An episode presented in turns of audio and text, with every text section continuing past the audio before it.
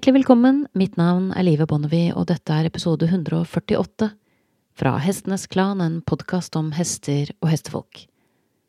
Det du hørte i bakgrunnen i starten, det var Hanne Dahl Lien, som er faglig ansvarlig i ridning ved Norsk Hestesenter på Starum, som underviste en av studentene som utgjør den gjengen som vi kan regne som fremtidens ridelærere i Norge.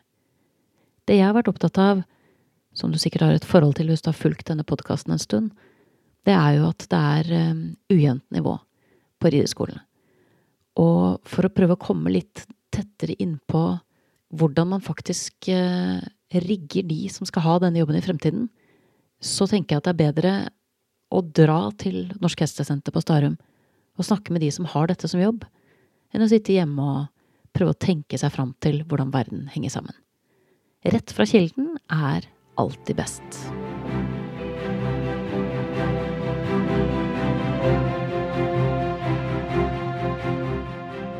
Ja, Hanne, da sitter vi her etter en eh, det Er kanskje en vanlig, er dette en vanlig arbeidsdag på Starum for deg, den vi har eh, vært igjennom nå? Ja, det er det. Så da sitter vi her etter en lang arbeidsdag, vil jeg si. Jeg møtte deg klokka ti i Ridehuset. Nå er klokka blitt omtrent åtte på kvelden. Eh, og i løpet av denne dagen så har jeg fått lov å være med når du har undervist studentene som skal bli ridelærere. Jeg har fått være med når studentene har fått teoriundervisning. Og jeg har fått være med når studentene underviser elever igjen. Så jeg har liksom fått sett et ordentlig spenn av, av hvordan ridelærere utdannes i Norge. Men før vi dykker ned i materien, så har jeg lyst til å bare få plassert deg litt. Som, som hestemenneske og din rolle her på Starum. Så kanskje vi skal starte der? For nå, jeg vet jo en del nå, men jeg, det er greit å få en liten sånn oppsummering. Ja. Jeg jobber jo her som faglig ansvarlig på ridelærerutdannelsen. Jeg har jobbet her siden 2010, da som ridelærer i sprang. Ansvar for unghester. Har drevet med hest siden jeg var liten. Ridd i rideskole. Utdannet meg i Sverige som ridelærer. Jobbet på både store og små rideskoler før jeg begynte her. Så det har vært hest for alle penga helt fra jeg har vært liten. Men fikk ikke min egen hest før jeg var voksen, egentlig. Så jeg vært heldig og hatt venner og kjente som har trengt en rytter. Så da har jeg ridd andres hester. Startet i sprang og sånt i sin tid. Gjør det fortsatt. Ja. Hvordan plasserer du deg der? Eh, startet i sprang. Eh, drevet mest med unghest. Ridd inn og ridd unghest har liksom vært min forse. Eh, har ingen egen hest nå. Mm, trives godt med å ri på andres hester. Og um, det kan hende når den hesten kommer forbi at jeg har lyst på hest igjen, men uh, nå er det så mye hest på jobb at uh, det er egentlig det er greit å drive med noe annet i fritiden. For det har rundt uh, 30 hester pluss? Som vi har ansvar for her i, i, min del, da. Men til daglig her nå så står det vel en 60-70 hester, plass til 100 her. Og dere er den eneste institusjonen i Norge som utdanner ridelærere? Ja. Men samtidig, det er, ikke, er det ikke en beskyttet tittel å kalle seg ridelærer? Nei, det er det dessverre ikke. Og hva tenker dere om det? Altså for det dere tilbyr, er jo en, en tremoduls toårsutdannelse. toårs utdannelse. Ja. Hvor man på en måte skal få et fundament å stå på. Og jeg som reiser mye rundt på kurs og da tilfeldigvis ser undervisning litt sånn hist og pist, ser at det er, det er jo et ujevnt nivå. Mm. Og fordi dere er de eneste som utdanner, så er det så fort gjort å tenke at det er mye dårligere ridelærere i Norge, men, men foglerne vet hva det er man har sett.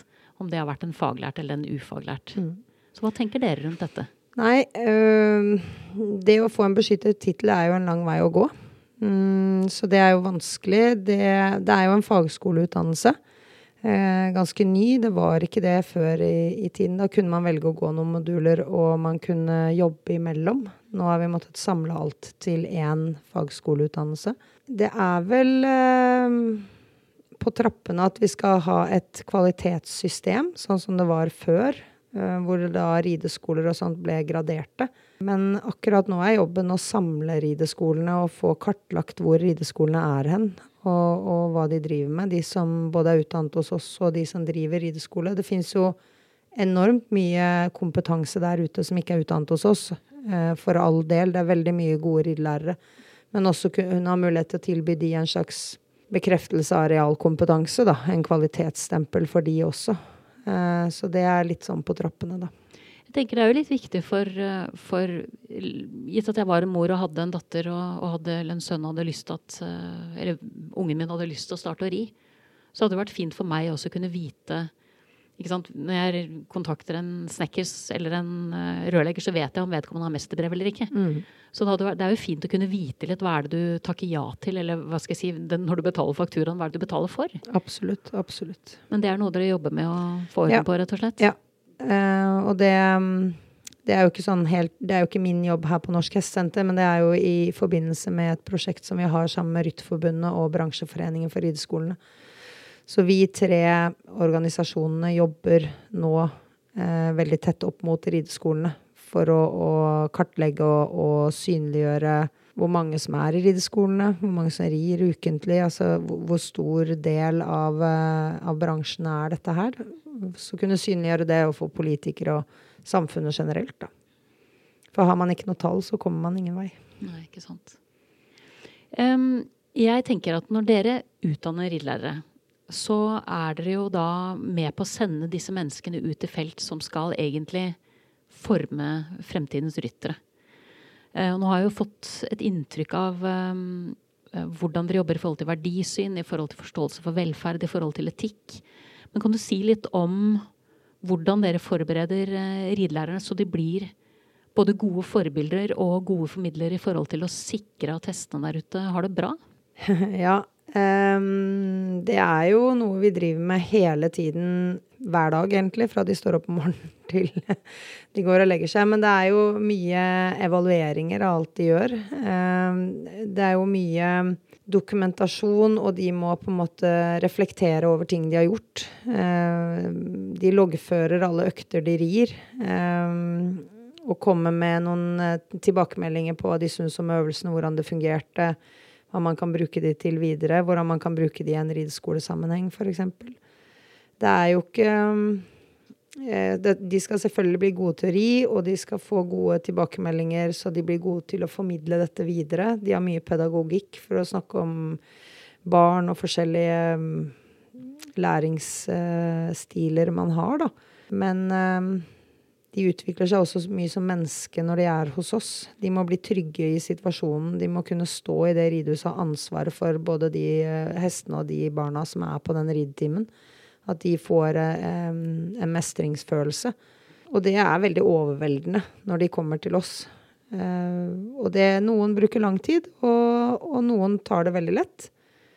Og det handler jo om at du må øve på det du føler at du ikke er så god på. Eller er litt utrent på. Så må man trene litt på det. Eh, og det er det vi gjør aller mest her. Så de får jo ekstremt mye tilbakemeldinger og evalueringer. Og det um, kan jo oppleves som litt stressende og masende i begynnelsen. Tilbakemeldingene de gir oss når de er ferdige, er jo at det er jo dette de husker når de kommer ut i feltet.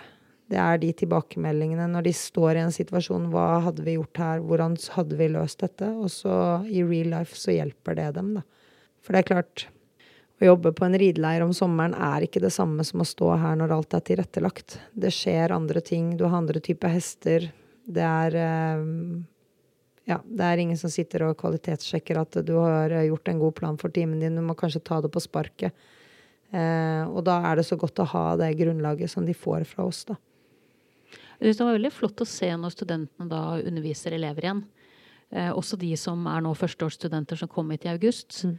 Eh, hvor du sitter og har et veldig sånn Det blir litt som når jeg øvelseskjører med sønnen min. Altså, jeg er på en måte den juridiske sjåføren. altså At du sitter der og håper veldig at du er den juridiske ridelæreren i ridehuset. Du kjenner hestene, du vet akkurat hvilke hester som ikke bør gå sammen når man skal fatte galopp med en ganske unge rytter på ryggen. Men samtidig får studentene det rommet de trenger. Og så ser jeg også at dere har vært veldig flinke til å legge opp i forhold til sikkerhet. Altså ting som folk ikke tenker over, men som er lett for meg å se. At, at dere har laget en veldig sånn god polstring rundt at de får prøvd seg på situasjoner som de egentlig ikke kunne drømt om ellers, men, men, hvor det blir både trygt og veldig lærerikt for dem. Da. De får liksom virkelig testa seg, men uten at eh, de kastes ut på så dypt vann og de drukner. Sånn det mm. ser ut, i hvert fall. Ja. Og det er jo litt av vitsen at de får såpass mye mm, verktøy at de kan skape den gode eh, ridetimen eh, som organiseres på en sikker måte for hest og, og mennesker. Eh, men eh, så må de fylle det med personlighet når de blir tryggere i situasjonen. Så, så, i begynnelsen så blir det kanskje litt oppstykket, og det blir kanskje litt mekanisk for de å ha de ridetimene. Men når du blir trygg i det, du får ridelæren i bakhånd som gjør at de forstår og kan se hesten, de kan se hva som kommer til å skje, de kan forutse situasjonen. Og de kan fylle på med kunnskap, sånn at rytterne kan påvirke hestene så du får det resultatet du ønsker. Så kan de begynne å, å, å briljere mer og være seg selv, da. Og det blir det jo når de blir eh, de sisteårselevene, da, eller studentene. Så, så, er de på en måte mye tryggere i situasjonen. Eh, de førsteårsstudentene, da, da handler det om å følge protokollen, på en måte, da. Og så tror jeg, som du sier, det er veldig viktig å sette de eh, De må gjøre noen feil. De må skape seg noen erfaringer. Og det er mye bedre at de gjør de feilene hos oss, Eh, og at vi kan på en måte stoppe de før det eventuelt skjer en ulykke. Men gjerne la de komme så det blir litt kaos, sånn at de får lov til å reflektere over det og si at OK, nå prøvde jeg det, og det ble ikke noe bra. Da gjør jeg ikke det en annen gang. Istedenfor at vi hindrer de hele tiden i å gjøre den greia, så da kommer de allikevel til å prøve den når de er der alene. Og så har de jo også en praksisperiode midt i studiet hvor vi har kontakt med, med eh, rideskoler rundt omkring i landet. Som de reiser til og er i, hos i seks uker og jobber. Eh, og da kommer de alltid tilbake som bedre studenter. De har fått lov til å kjenne på at dette er det som skal til i yrket. De føler seg eh, gode, for de får veldig gode tilbakemeldinger. De blir godt likt av de, eh, både bedriftseierne, men også elevene de har i rideskolene. De kjenner mestring. Og de får jo vite, nesten alle som er en, da, at de er ønsket ute i yrket. Så det er en unik mulighet. Det kommer tilbake studenter som skinner fordi at de føler seg så gode. Og da får jo bransjen en tett connection med våre studenter. De har jo mulighet til å påvirke eh, også vår utdannelse. Vi skal jo ha en tett eh, connection med bransjen. Eh, og det, det har vi jo gjennom dette. Og det er veldig bra. Når, det, som jeg, det, som slo meg også da jeg så studentene dine undervise i dag, er jo at er jo, de er jo veldig unge. Mm. Selvfølgelig. ikke sant? Mange av dem kommer rett fra videregående. Og så går de her et to år og får da en ganske solid ballast. Men, men vi vet jo hva som møter dem der ute. Mm. Altså det er jo det er ganske tøft å møte eh, hestefolk og krav og foreldre med krav på barnas vegne. Det er litt av hvert de skal stå i. Det er det. Eh, og det som kanskje er litt uheldig, er jo at i noen tilfeller så er det noen bedrifter som har ventet veldig lenge på å ta seg råd til å ansette en ridelærer. Eh, eller ventet veldig lenge på at noen kan gjøre den jobben. Og så, når de ansetter, så blir de liksom overlatt litt til seg selv. Og de er eh, ferdig utdannet ridelærere. Men de har bare fått fylt verktøykassa si. Det er nå de skal begynne å, å skape erfaringer, da. Så de trenger jo, som alle andre nye yrkesutøvere, bitte litt eh, støtte på veien. Men erfaringsmessig så, så, er de flinke til å spørre om hjelp, og de uh, gir i hvert fall oss gode tilbakemeldinger når de har fått jobber, da, og de trives i det. Så de um, Vi har jo mye riddelærere som er ute og jobber selvfølgelig på store sentre, og de um, får mye ros, og de trives godt. De kan vel kanskje også hjelpe hverandre eller har type nettverk med de eh, studentene man gikk sammen med, sånn som man har på alle andre studier. Ja. Sånn at hvis man står fast eller er i beit. For er hestefolk er jo Ja, det er en egen rase, det vet vi jo. Vi er jo hestefolk selv. Ja. Så det er jo noe å bryne seg på. Ja. Og de, eh, det er jo veldig sjelden at du får et problem som ingen andre har eh, hatt, eller en situasjon. Så dette er jo ganske langt eh, likt langt utover grensene fra Starum. Og også når vi møter disse som vi har samarbeid med utover i Europa, så ser man jo at det er ganske likt. Så det mm, Jeg vet at de møtes. Og vi har jo også sånne inspirasjonskurs her om sommeren som riddelærere kommer på, og det er jo veldig populært. Hestefolk liker å prate sammen. Ja. Når vi først snakker om hestefolk liker å prate sammen, mm, hva tenker du rundt det ordskiftet vi har fått nå knytta til både hester generelt og hestesport Altså det er mye som ifrågasettes som for ti år siden ikke var et uh, tema. Eh, både i forhold til velferd og i forhold til etikk, så er det liksom det er en helt annen samtale det vi har nå enn det vi hadde før. Hva, hva tenker du rundt det, og det å være ridelærer eh, og komme ut i markedet i dag? Vi har jo et kjempestort ansvar på å fremme hestevelferden eh, overfor samfunnet. Og ikke fordi det ikke har vært god hestevelferd før, men eh, det er så lett å stå på tribunen og ta en film og legge det ut på sosiale medier som blir tatt litt ut av sammenhengen. Og i dag så vet vi jo hvordan det har gått med pelsdyrnæringen og svinenæringen. Eh, og har du feil ikke feil menneske, det er veldig bra at det er dyrevernsaktivister. Det, det syns vi alle. Det er ingen som har noe å skjule. Men, men, vi er ikke flinke nok til å fortelle folk hva det er vi gjør, og hvorfor vi gjør det, og hvordan vi gjør det. Sånn at eh, kan du ikke noe om hest, så kan ting virke veldig eh, dumt. Um, så det handler om kunnskap. Jeg tror folk som ikke syns det vi driver med er rett for hesten, de vet ikke nok om hester. De som tenker at hestene har det best ved at vi slipper de løse nå, de har eh, ikke tenkt på at vi har avlet fram en hest som faktisk trives i den settingen vi har per i dag. Og det ansvaret har jo vi som ridelærere på å utdanne de som er i rideskolene, til å forstå hestene, forstå instinktene, forstå hvorfor vi reagerer som vi gjør, slik at hestene eh, ikke blir satt i vanskelige situasjoner. Da. Og det er et kjempestort ansvar, og det snakker vi veldig mye om her på riddelærerutdannelsen. Eh, og hva som kan skje. Eh, hvis man kommer i den situasjonen at man er ansatt i en rideskole, og det, kanskje ikke ting er på stell. Hvordan skal du håndtere det? Hvilket ansvar har du? Hvilket ansvar har du når du kommer ut og kanskje ser noen som ikke er snille mot hestene sine? Hvordan skal du håndtere det? For det, mm, det skjer jo. Og det kan være små ting. Eh, men eh, hvis ikke vi som er utdannet, tør å ta den samtalen og fortelle hva vi tenker man skulle gjort isteden, hvordan man skulle gjort at hesten hadde forstått det man ba de om, så, så er det ingen som gjør det. Og da kan dette gå på veldig ville veier. Du trakk jo fram dette med pelsdyrnæring, og da tenker jeg sånn raskt bild, hvis, hvis, vi trekker en ordentlig parallell der, så var jo en av de tingene som gjorde at det virkelig kokte over, var at man følte at det var jo ikke nødvendig å ha pels. Man kunne klare seg uten, og det ville man jo kunne si om hest òg. Mm. Selv om det ikke kjennes sånn ut for oss som driver med det, på noen måte. Altså at man kunne klart seg uten. Og det neste punktet er jo behovet for å utøve naturlig atferd. Mm. Um, og hva tenker dere rundt Altså det er jo det er jo så stor forskjell også på hva slags rammebetingelser man får på de stedene man møter da som ridelærer ute i felt. Mm. Eh, noen steder så er det fortsatt spiltau, noen steder så er hestene veldig lite ute. Mange steder går ikke hester sammen. Eh, hvor mye jobber dere med den biten av, eh, av velferden her på Starum? Nei, vi prøver jo å, å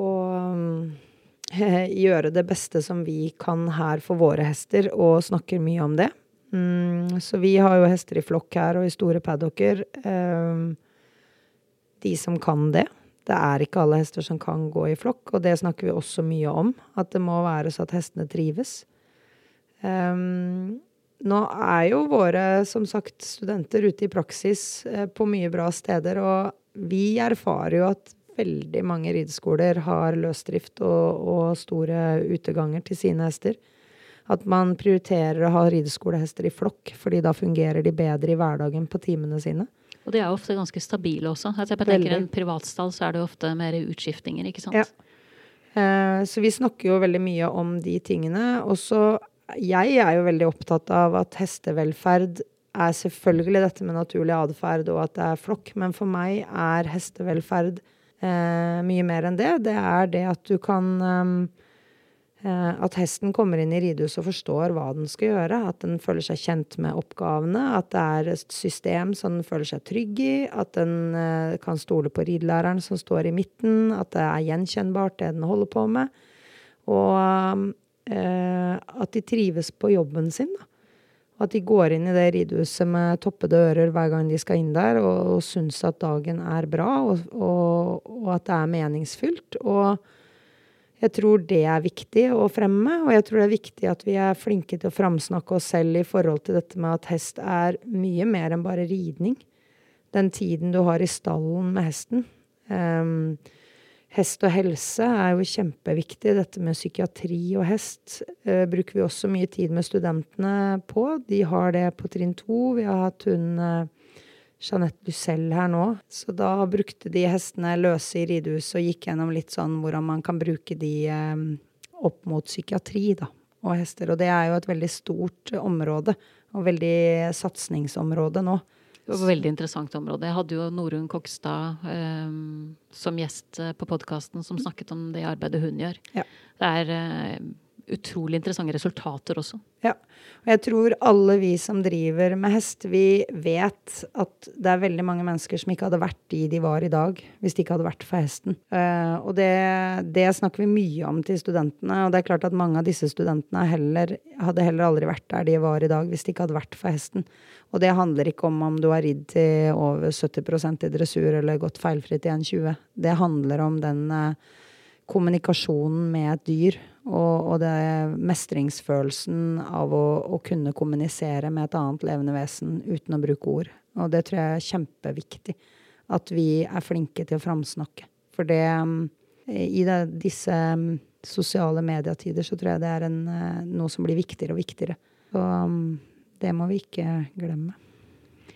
Hva er din motor, din driver som, som uh, ridelærer, og grunnen til at du har havnet her oppe? Hva er liksom din din visjon og ditt ønske bak den store jobben som du legger ned, med lange dager og Jeg bruker alltid å si at for meg så gir det et utrolig kick når jeg får noen andre til å oppleve den mestringen som man selv kjenner på.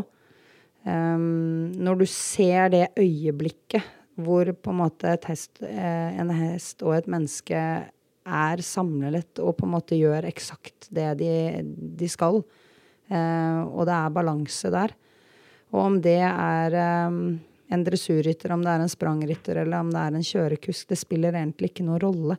Men det er liksom det fascinerende ved at man kan kommunisere med et dyr og, og skape de prestasjonene. Eh, det, er, det, er, drivkraften, tror jeg. Og så liker jeg jo idrett. og jeg liker dette med å, å produsere noe skape resultater, skape progresjon i trening og se at ting blir bedre, og utvikle ting. Og det um, har jeg jo kjempemuligheter til når jeg jobber her oppe. Jeg har studentene i to år som vi følger de. Og du følger den enorme progresjonen de har, både, eh, både i sin idrett, som er ridning, men i yrket sitt, som er ridelærer, og også som mennesker, da. Eh, hvordan de vokser. Så det er liksom det er både dyr og mennesker, da, så det er ganske unikt. Det var veldig fint å se, syns jeg, den gjennomgangen dere hadde når studentene i dag hadde undervist elever. Mm. Og hvordan du både utfordrer, men også hjelper dem til å få denne litt sånn, hva skal jeg si, bredere perspektiv og dypere innsikten. For det handler veldig om å se seg selv, ja. egentlig. Og det er veldig lett for disse å gå ut og være nervøse for å ha en ridetime. Og så må du gi dem den støtten på at disse jentene som kommer og skal ri, da, de kommer én gang i uka. De rir 45 minutter i uka. De ser jo opp til alle som kan noe mer enn dem om hest. Eh, og vi har en så unik rolle da, i, når vi står der i ridehallen. Er det litt dette som drev deg til å ha unghester som din fors også? Altså det med å se denne veksten og utviklingen på individnivå? Ja, absolutt. Og den mm, Ung hest er jo veldig takknemlig å jobbe med når man forstår hest. Um, sånn at den Det øyet man har, da, å kunne forstå hva den hesten Hva du skal gjøre for at den skal trives og mestre oppgavene. Hva som trengs i de ulike situasjonene å kjenne på den progresjonen. Det syns jeg er veldig interessant. Og så er det Så er jeg jo opptatt av å hjelpe folk med ungest, fordi våre studenter har også det, de skal ri inn unghester, og de skal også videreutvikle fire- og femåringer. Og mye av det jeg syns er viktig at de lærer, fordi dette er min hjertesak litt, er jo at det er ikke alle som skal drive med ungest. Fordi kanskje du ikke er eh, rolig nok i deg selv. Kanskje du ikke har den erfaringen, så du kan lese den unghesten. Og da kan det jo bli veldig farlig. Og det kan bli veldig frustrerende. Både for menneske og hest. Og en frustrert hest, um, den er jo farlig. Når vi snakker om unghester og disse også unge studentene, det med å komme rett ut fra start, altså komme ut fra start med riktig note eller riktig tone.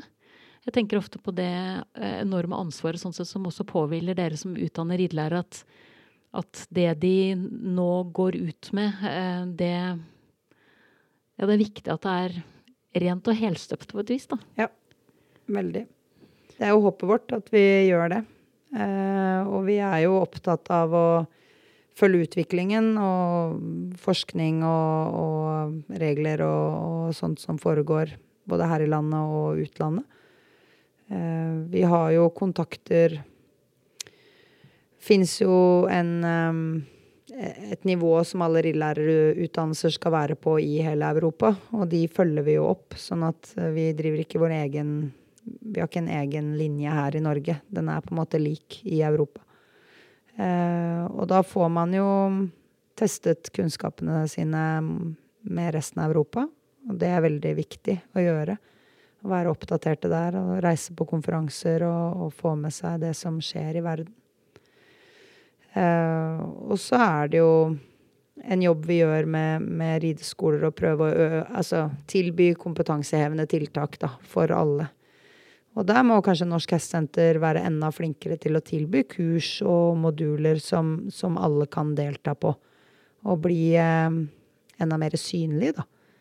Vi har vel vært ja, du, du, sa ordet kanskje litt gammeldagse før, da, så vi, vi er der nå. Vi, vi, vil fremover, og vi vil være et, eh, et samlende senter for eh, kompetansen eh, for hest i Norge. Og da da må vi bruke bransjen, og vi må være synlige på flere arenaer enn akkurat her på Toten. Og vi må gjøre reklame for oss selv, da, gjennom studentene våre. Og da blir det viktig det som du sa, som at det, at det er et slags system på at det går an å finne ut hvor man finner ja.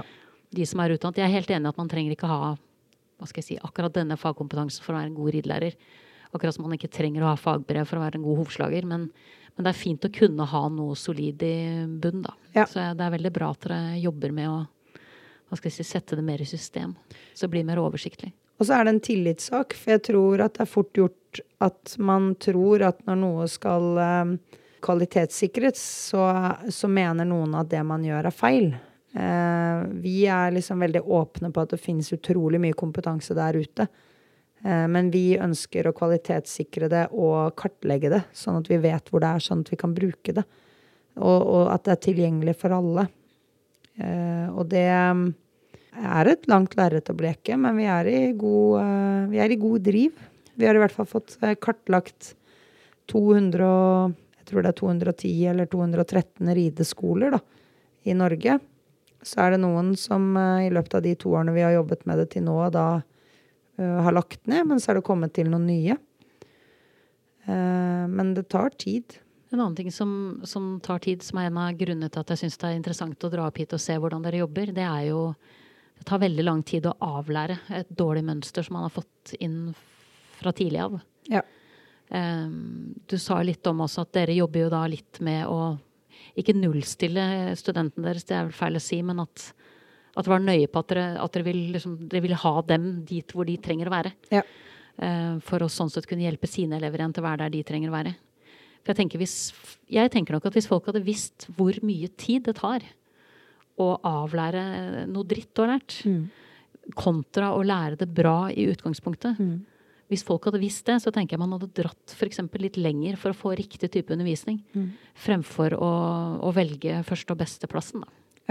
Og så er det todelt, da. Det ene er jo at du ønsker jo antall kilometer i eh, riktig sits og posisjon, hvis vi skal snakke om det, eh, for at det skal bli befestet. Eh, på andre siden så vil kunden fort frem og vil at det skal skje noe.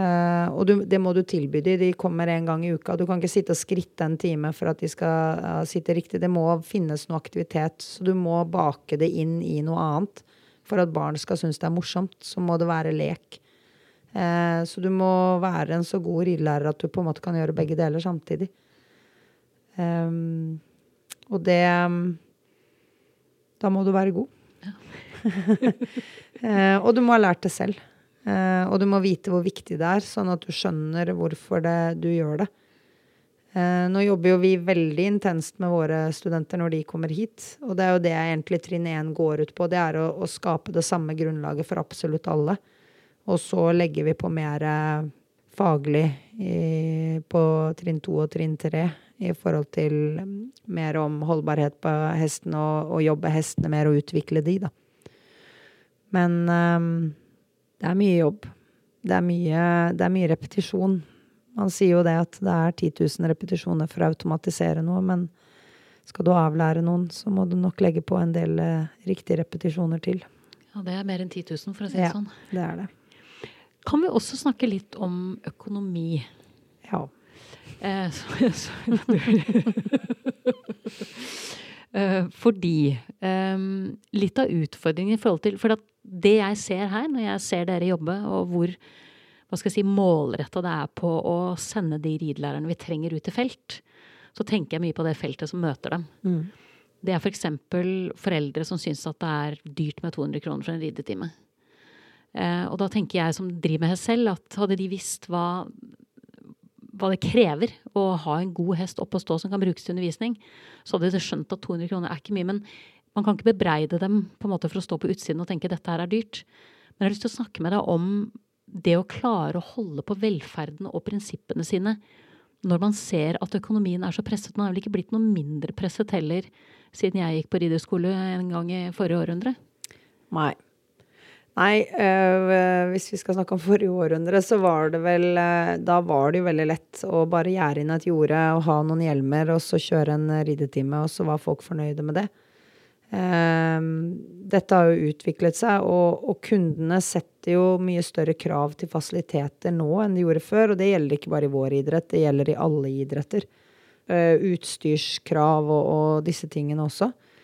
Uh, men rideskolene har nok ikke fulgt helt med på at eh, de må ta betalt for det tjenesten koster. De eh, har kanskje ikke gjort den eh, regneoperasjonen på hva det koster å produsere en ridetime. Og på den måten finne ut av hvor mange du skal ha på den, og hvor mye den må koste per person.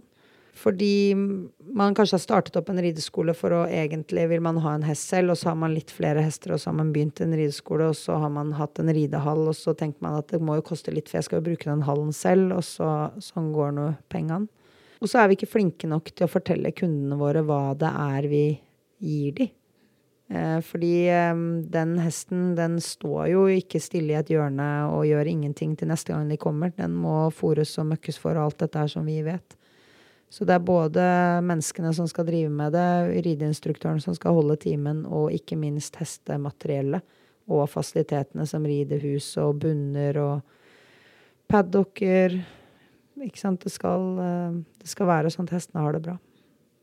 For hvis, litt sånn, hvis Du trakk jo også inn dette med griseindustrien, hvor jo Brennpunkt hadde en utrolig stygg altså en fin dokumentar, men et jævla stygt tema. Um, at litt av problemet er at kjøttet er for billig. Mm. Så hvis, hvis, du vil ha eh, svinekjøtt som koster ti kroner, så, så, har ikke den grisen et veldig godt liv. Det er liksom eh, matematikk. Og jeg tenker litt i forhold til ridning også. altså at Hvis vi skal kunne tilby hestene den, den, rammen som de fortjener, og skal tilby de som driver med dette, den rammen som de trenger for å kunne drive på en ordentlig måte, så oppleves det, selv om det er veldig dyrt å ha hest, som om det er litt for billig. Ja, og så har du på andre siden at vi ønsker jo at det skal være for bredden, og at det skal være for alle. Og det er jo steder du får det til. Det handler jo om uh, mengden, som på alt andre. At du må ha større kvanta og, og flere kunder gjennom uh, per dag, da. For at det skal lønne seg. Uh, som landbruk generelt, da, så skal det være store, store bedrifter. Og det er ikke nødvendigvis noe minus for en rideskole å være store, for da kan det være flere ridelærere, du kan ha et bedre samarbeid. Og det ser vi jo at de store rideskolene i dag gjør det jo veldig godt. Eh, og har det veldig bra, har fine fasiliteter og gode hester. Eh, så det er kanskje blitt vanskeligere for den lille rideskolen, fordi den kanskje bare er ett menneske. Eller kanskje enda tøffere for den mellomstore, ville jeg nesten tenkt. Ja. Altså den som ikke kan tilby dette intime, oversiktlige, håndterbare.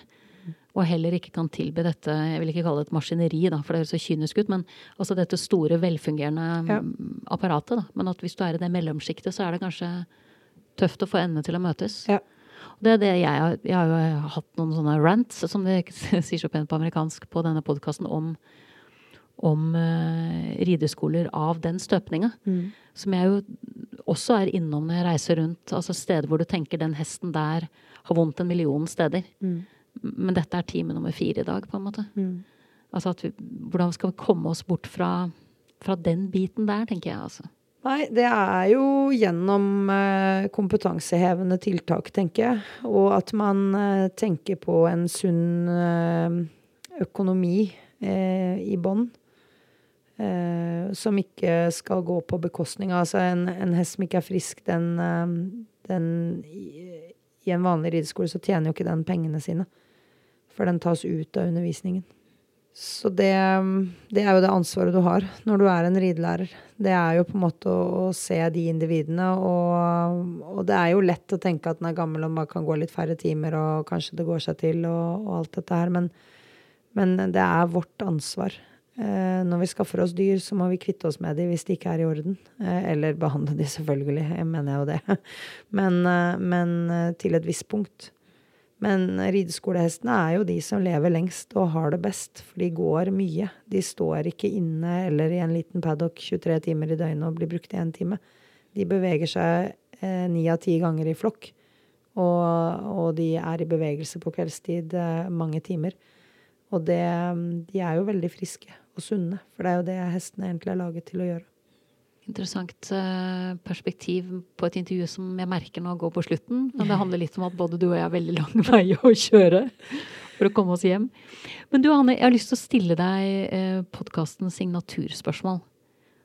Hva er det du har lært om hest i løpet av din eh, reise eller ditt liv med hester som du tenker at det er viktig at hestefolk vet, eller er mer bevisste på enn det er i dag, da?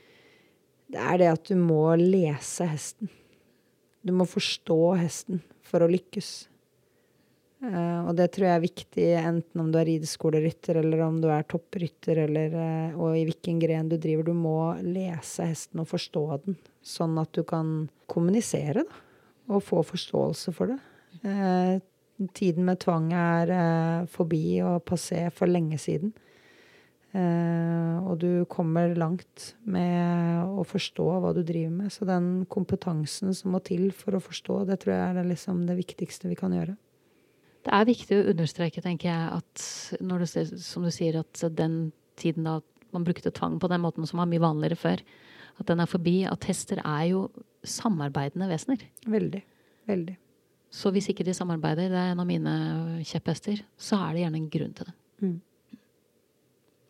Tusen hjertelig takk for praten, Hanne, og takk for at jeg fikk være med en hel dag og se hva dere drev med. Vær så god. Veldig hyggelig å ha deg her.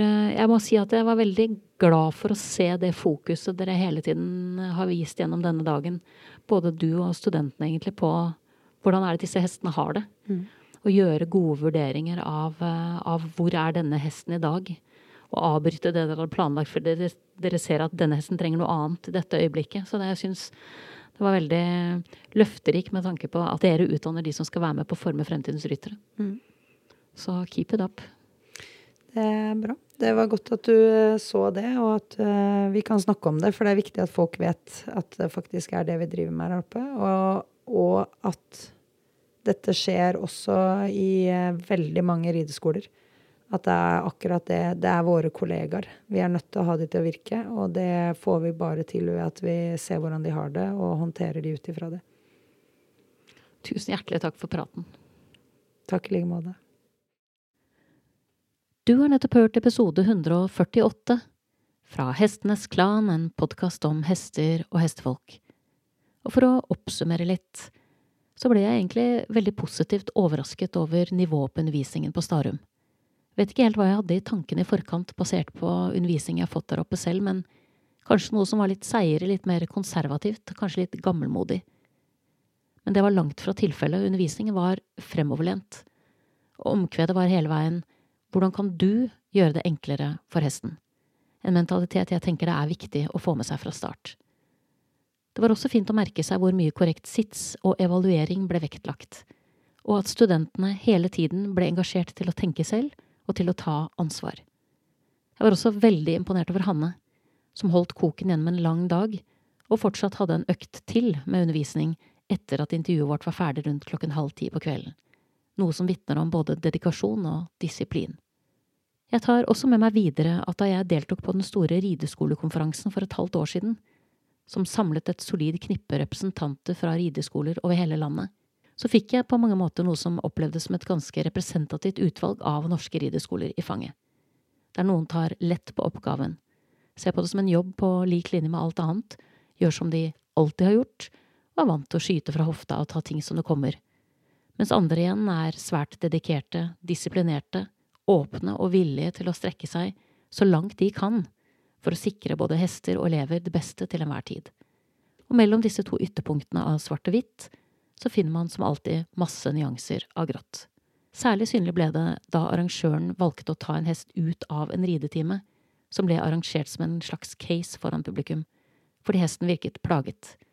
Den var ikke direkte halt, men den fant seg ikke til rette og hadde flere symptomer på ubehag, en vurdering jeg mener var helt korrekt, men som flere ifrågesatte under lunsjen fordi de mente at det ikke var noe galt med hesten, mens andre igjen forsvarte valget, eller var nysgjerrig på hva arrangøren så, som de ikke selv var i stand til å se. For det er med hester som med alt annet i livet, man ser det man har lært å se, og man ikke velger å se bedre etter. For det er faktisk et valg. En god rideskole har dyktige og erfarne instruktører, som kan veilede elever og hester på en trygg og hensiktsmessig måte. En god rideskole har trenings- og hvileplan for hestene, for å sikre at de ikke blir ensidig belastet og at de får tilstrekkelig med restitusjon mellom øktene. En god rideskole setter etikk og velferd i høysetet og tar gode og kvalifiserte valg på både elevenes og hestenes vegne. Det er viktig å huske på at hester som går i rideskole, må forholde seg til ryttere med veldig ulike ferdighetsnivåer. I mange av rideskolene blir hestene også ridd av mange ulike ryttere i løpet av en uke, noen ganger i løpet av en dag og ulike ryttere kan fort komme til å gi veldig ulike kommandoer, kommandoer som er egnet til å forvirre. Og for å komplisere bildet ytterligere tilbyr mange rideskoler også undervisning i ulike disipliner, så hestene må være i stand til å tilpasse seg ulike krav, ulik sits og ulik ridestil. Vi forventer med andre ord svært mye av rideskolehestene våre, og da er det ikke for mye forlangt at vi også forventer mye av oss selv og er svært nøye på hva vi gir tilbake. Da gjenstår det bare for meg å takke min faste komponist Fredrik Blom, min gjest Hanne Dahl Lien fra Norsk Hestesenter på Starum, og sist, men ikke minst vil jeg takke deg, kjære lytter, for tålmodigheten. Måtte hesten for alltid være med deg.